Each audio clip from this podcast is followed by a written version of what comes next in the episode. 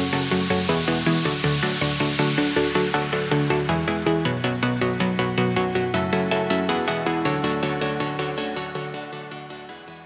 Halo semuanya, ketemu lagi sama gue Ditya Hadi di podcast buku nomor 1 di Spotify Indonesia saat ini. Podcast buku kutu yang didukung oleh jaringan Potluck Podcast. Bagi kalian yang baru pertama kali dengerin podcast ini Podcast buku kutu adalah sebuah podcast yang membahas tentang berbagai hal menarik dari dunia literasi Biasanya berupa review buku, obrolan dengan penulis atau penerbit Serta hal-hal lain yang seru untuk dibincangkan di dunia buku.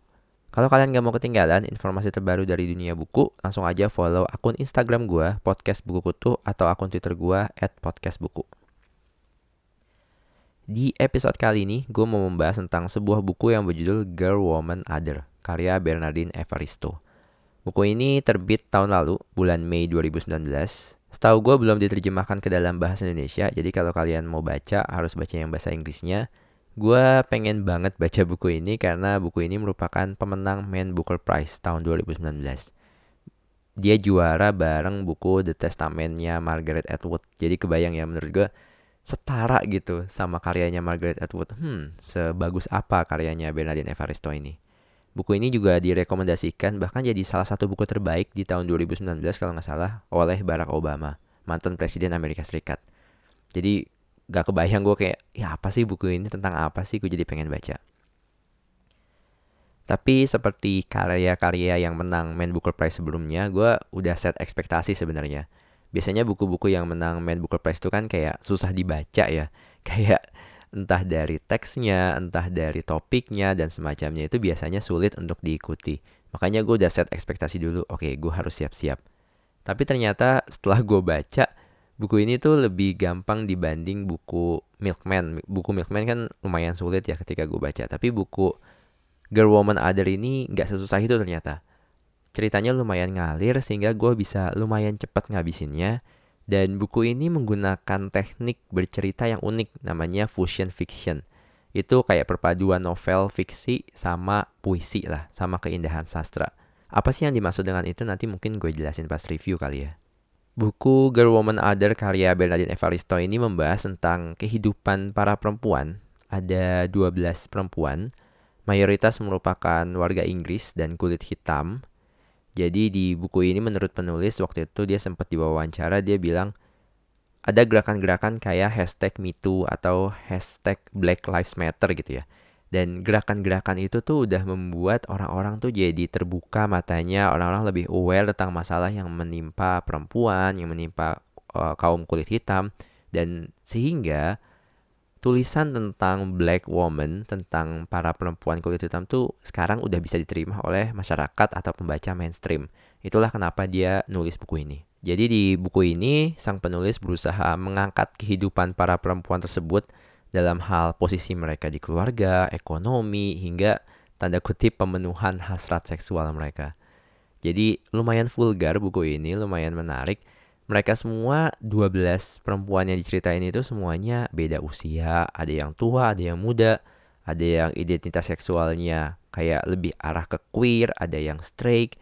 Kemudian pengalaman kerja maupun bidang yang dia geluti, profesi dia itu juga berbeda-beda, agamanya juga beda-beda, asal negara mereka dari Afrika mungkin atau dari Amerika itu juga berbeda-beda.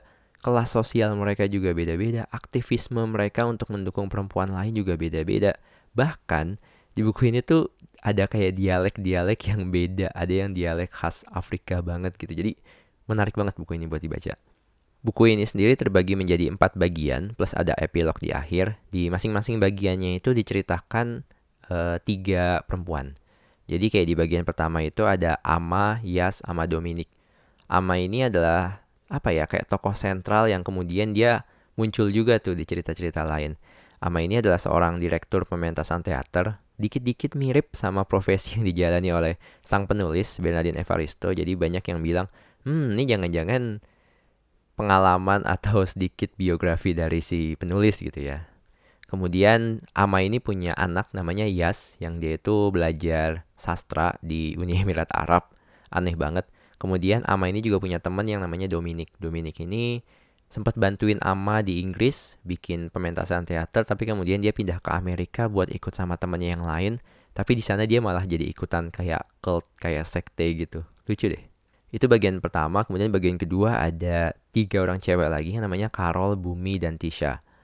Carol ini adalah seorang wanita yang digambarkan bekerja dengan keras, belajar dengan keras hingga ia menjadi wanita karir yang sukses. Sedangkan Bumi itu ibunya dan diceritakan bagaimana perasaan seorang ibu perempuan kulit hitam yang mempunyai anak yang akhirnya menjadi sukses gitu. Kemudian ada juga Latisha. Latisha ini temennya Bumi yang dia itu apa ya udah punya tiga anak dari tiga bapak yang berbeda dan bapaknya semuanya kabur. Aneh deh. Kemudian bagian selanjutnya ada cerita tentang Shirley, Winsome sama Penelope uh, Shirley ini adalah guru dari Carol yang kemudian bisa menjadi oh, cewek yang sukses kemudian Winsome ini adalah ibunya Shirley yang Kemudian nanti kalian baca sendiri itu ada sesuatu yang menarik, satu hubungan antara dia sama menantu prianya. Itu lucu banget. Tapi menarik banget buat gue.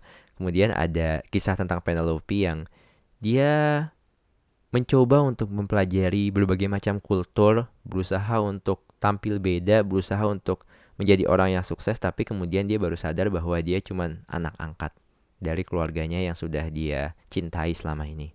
Kemudian di bagian keempat ini ada cerita yang menarik banget soal seorang cewek yang kemudian dia lebih merasa seperti laki-laki. Jadi namanya tadinya Megan, kemudian dia ganti nama jadi Morgan. Dia punya hubungan sama cowok juga yang juga mengalami hal yang sama, uh, orientasi seksualnya sering berubah-ubah. Kemudian ada cerita soal Hetty. Hetty ini neneknya, neneknya dari si Megan itu. Hetty ini ceritanya orang yang udah lumayan kaya, dia punya kayak tanah perkebunan gitu-gitu. Tapi ternyata dia waktu kecil itu sempat ditinggalkan oleh ibunya dan ibunya itu namanya Grace yang nanti diceritakan di cerita berikutnya. Jadi buku ini menceritakan kisah masing-masing dari 12 tokoh tadi yang kemudian semuanya itu saling berkaitan di epilog itu ada kayak adegan yang di mana mereka semua hadir di situ dan mereka semua mengungkapkan perasaan mereka masing-masing dan pandangan mereka tentang hidup. Pokoknya seru banget. Oke, uh, langsung aja gue akan masuk ke review di segmen kedua. Tapi sebelum itu, buat kalian yang suka dengan konten podcast ini, boleh dong dukung gue secara finansial di karyakarsa.com garis miring podcast buku, karyakarsa.com garis miring PODCST BUKU. Di sana kalian bisa tekan tombol dukung, kemudian dukung gue lewat OVO, GoPay, transfer bank, dan lain sebagainya yang nantinya uang dari dukungan kalian akan gue belikan buku atau gue gunakan untuk meningkatkan kualitas dari podcast ini. Buat yang udah dukung, thank you banget. Oke langsung aja kita masuk ke segmen kedua.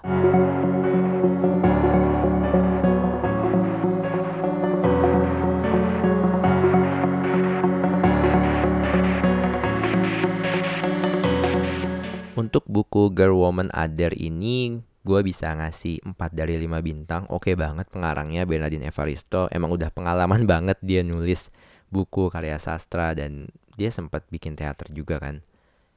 Uh, ada beberapa hal yang gue suka. Yang pertama itu jelas gaya bahasanya. Seperti gue bilang, dia menggunakan teknik fusion fiction di mana dia memadukan karya sastra dengan puisi. Jadi, buku ini tuh sangat minim banget tanda titik Kenapa? Karena di setiap ganti kalimat, misalnya saya sedang membaca. Kemudian kalau ganti kalimat, dia akan masuk ke paragraf berikutnya tanpa titik. Dan di paragraf berikutnya, dia nggak akan memulai dengan huruf besar seperti biasa. Jadi nggak ada tuh yang namanya konvensi di awal kalimat harus huruf besar, di akhirnya harus titik. Itu semua dihilangkan, dilabrak oleh si penulis Bernardine Evaristo. Jadi rasanya kalau kalian baca ini tuh kayak kayak baca puisi gitu. Tapi ceritanya mengalir seperti novel. Itulah yang disebut dengan fusion fiction oleh si penulis. Dan gaya bahasa itu juga nggak apa ya, nggak cuman keren-kerenan doang. Jadi penulis ini pernah cerita bahwa awalnya tuh dia pengen membuat sebuah karya yang orang lain tuh nggak pernah kepikiran. Jadi ada satu saat di mana dia kepikiran, oke, okay, gue mau bikin buku dengan 100 orang tokoh. Tapi kan itu nggak mungkin ya, nggak secara teknis itu nggak mungkin. Akhirnya dia mengubah itu, dia sekarang cuma punya 12 orang tokoh, tapi semuanya itu seolah-olah berbicara dengan bahasa yang indah sehingga bisa mewakili ratusan atau puluhan tokoh lain yang dia tidak sempat tulis di buku ini. Itulah yang akhirnya membuat dia oke okay lah nggak apa-apa gue nggak pakai 100 tokoh tapi gue menggunakan bahasa yang indah dengan teknik yang unik yang itu bisa menarik pembaca yang itu bisa membuat pembaca lebih menikmati karya gue yang itu bisa membuat sesuatu membuat karya yang mungkin levelnya sama dengan apa yang dia impikan sebelumnya. Jadi apa ya gue tuh kayak baca buku ini kayak gue lagi ngobrol sama tokohnya yang ada di depan gue dan mereka cerita kisah hidup mereka gitu ke hadapan gue itu yang gue rasain. Jadi oke okay banget sih gaya bahasanya. Yang kedua gue suka buku ini karena topik-topik yang diangkat di buku ini menarik banget jelas karena fokusnya adalah perempuan. Hmm, buku ini mengangkat tentang feminisme. Tapi menurut gue apa yang ditampilkan itu nggak terkesan menggurui gitu. Tapi lebih ke pengalaman eh gue tuh kayak gini loh. Eh gue tuh kayak gini gue kayak gini di sini penulis nggak berusaha menjudge oh cewek yang beberapa kali berhubungan dengan cowok asing yang kemudian jadi anak satu anak pertama kedua ketiga dan seterusnya itu adalah hal yang salah gitu. Tapi ya udah gue mengalami hal yang seperti ini gue punya pengalaman seperti ini ya terserah kalian mau menganggapnya seperti apa. Di sini juga digambarkan ada ibu-ibu yang oh kok anak gue kayak gini kok beda sama gue gini-gini tapi nggak dijelaskan benar dan salah, tapi dijelaskan, oh anak ini pikirannya seperti ini dan si ibu ini pikirannya seperti ini gitu. Jadi ya ter terserah gitu pembaca mau menanggapinya seperti apa. Itu sih kenapa gue suka buku ini. Buku ini mengangkat banget soal polemik dan tantangan yang dihadapi oleh para perempuan kulit hitam itu, tapi ada sisi hangat, lucu, dan bagaimana mereka menyadarkan diri mereka sendiri. Oh, gue tuh kayak gini ya, gue tuh kayak gini. Jadi apa ya, kayak ya itu gue kesannya tuh kayak ngobrol sama mereka di mana mereka lagi cerita pengalaman hidup mereka dan di sela-sela dari obrolan itu barulah muncul hal-hal menarik atau uh, poin-poin yang bisa kita pelajari gitu. Kayak ada ya ucapan kayak be a person with knowledge not just opinion gitu. Di sini penulis nggak berusaha menjelaskan panjang lebar tapi cuman kayak ada cuplikan percakapan yang kemudian muncul aja be a person with knowledge not just opinion gitu. Kita harus jadi orang yang gak cuman bisa ngeluarin opini tapi juga punya knowledge. Kemudian ada juga dia bilang aging is nothing to be ashamed of especially when the entire human race is in it together. Menjadi tua itu bukan sesuatu yang kita harus malu gitu. Apalagi semua orang di dunia ini entire human race itu semua menjadi tua gitu. Terus ngapain kita malu kalau apa yang kita rasakan itu sebenarnya menimpa sama orang lain juga gitu. Apa ya pendapat pelajaran-pelajaran yang seperti ini yang coba diangkat oleh si penulis Bernardine Evaristo tapi dia nggak kayak menggurui itu yang gue suka sih. Tapi kenapa gue cuma ngasih 4 bintang nggak 5 bintang? Gue ngerasa di beberapa bagian buku ini tone-nya itu sedikit lambat gitu. Jadi ada beberapa bagian di mana aduh kok gue bosen ya bacanya? Akhirnya gue off dulu baca buku lain akhirnya baru balik lagi ngumpulin mood lagi baru baca lagi kemudian uh, merasakan lagi serunya. Di beberapa bagian tuh bener-bener cepet banget.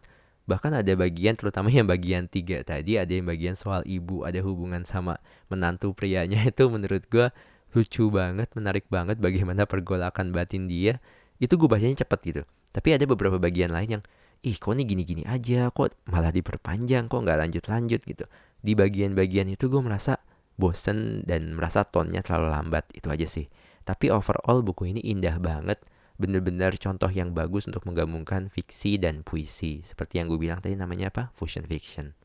Ya I itu tadi uh, review gue tentang buku Girl Woman Other. Buat kalian yang mau baca langsung aja cari di uh, toko buku online yang jual buku impor atau mungkin kalian bisa beli di Kindle juga. Jangan lupa buat follow podcast ini di Spotify, Google Podcast, atau Apple Podcast. Selain itu, podcast buku itu juga ada di YouTube. Caranya langsung cari kanal Potluck Podcast, PODLCK Podcast, dan cari yang ada judulnya Buku Kutu. Kalau kalian suka dengan podcast ini, boleh dong share di sosial media kalian, di Instastory, Twitter, Facebook, di mana pun kalian berada di media sosial. Jangan lupa buat dukung gue juga secara finansial di karyakarsa.com garis miring podcast buku. Kalau mau out gue bisa di Instagram at podcastbukukutu, Twitter at podcastbuku, atau email ke podcastbukukutu at gmail.com. Jangan lupa juga buat beri dukungan bagi jaringan Potluck Podcast. Caranya follow aja akun Instagram at Potluck Podcast. S T. I think that's all. Thank you for listening. See you and ciao.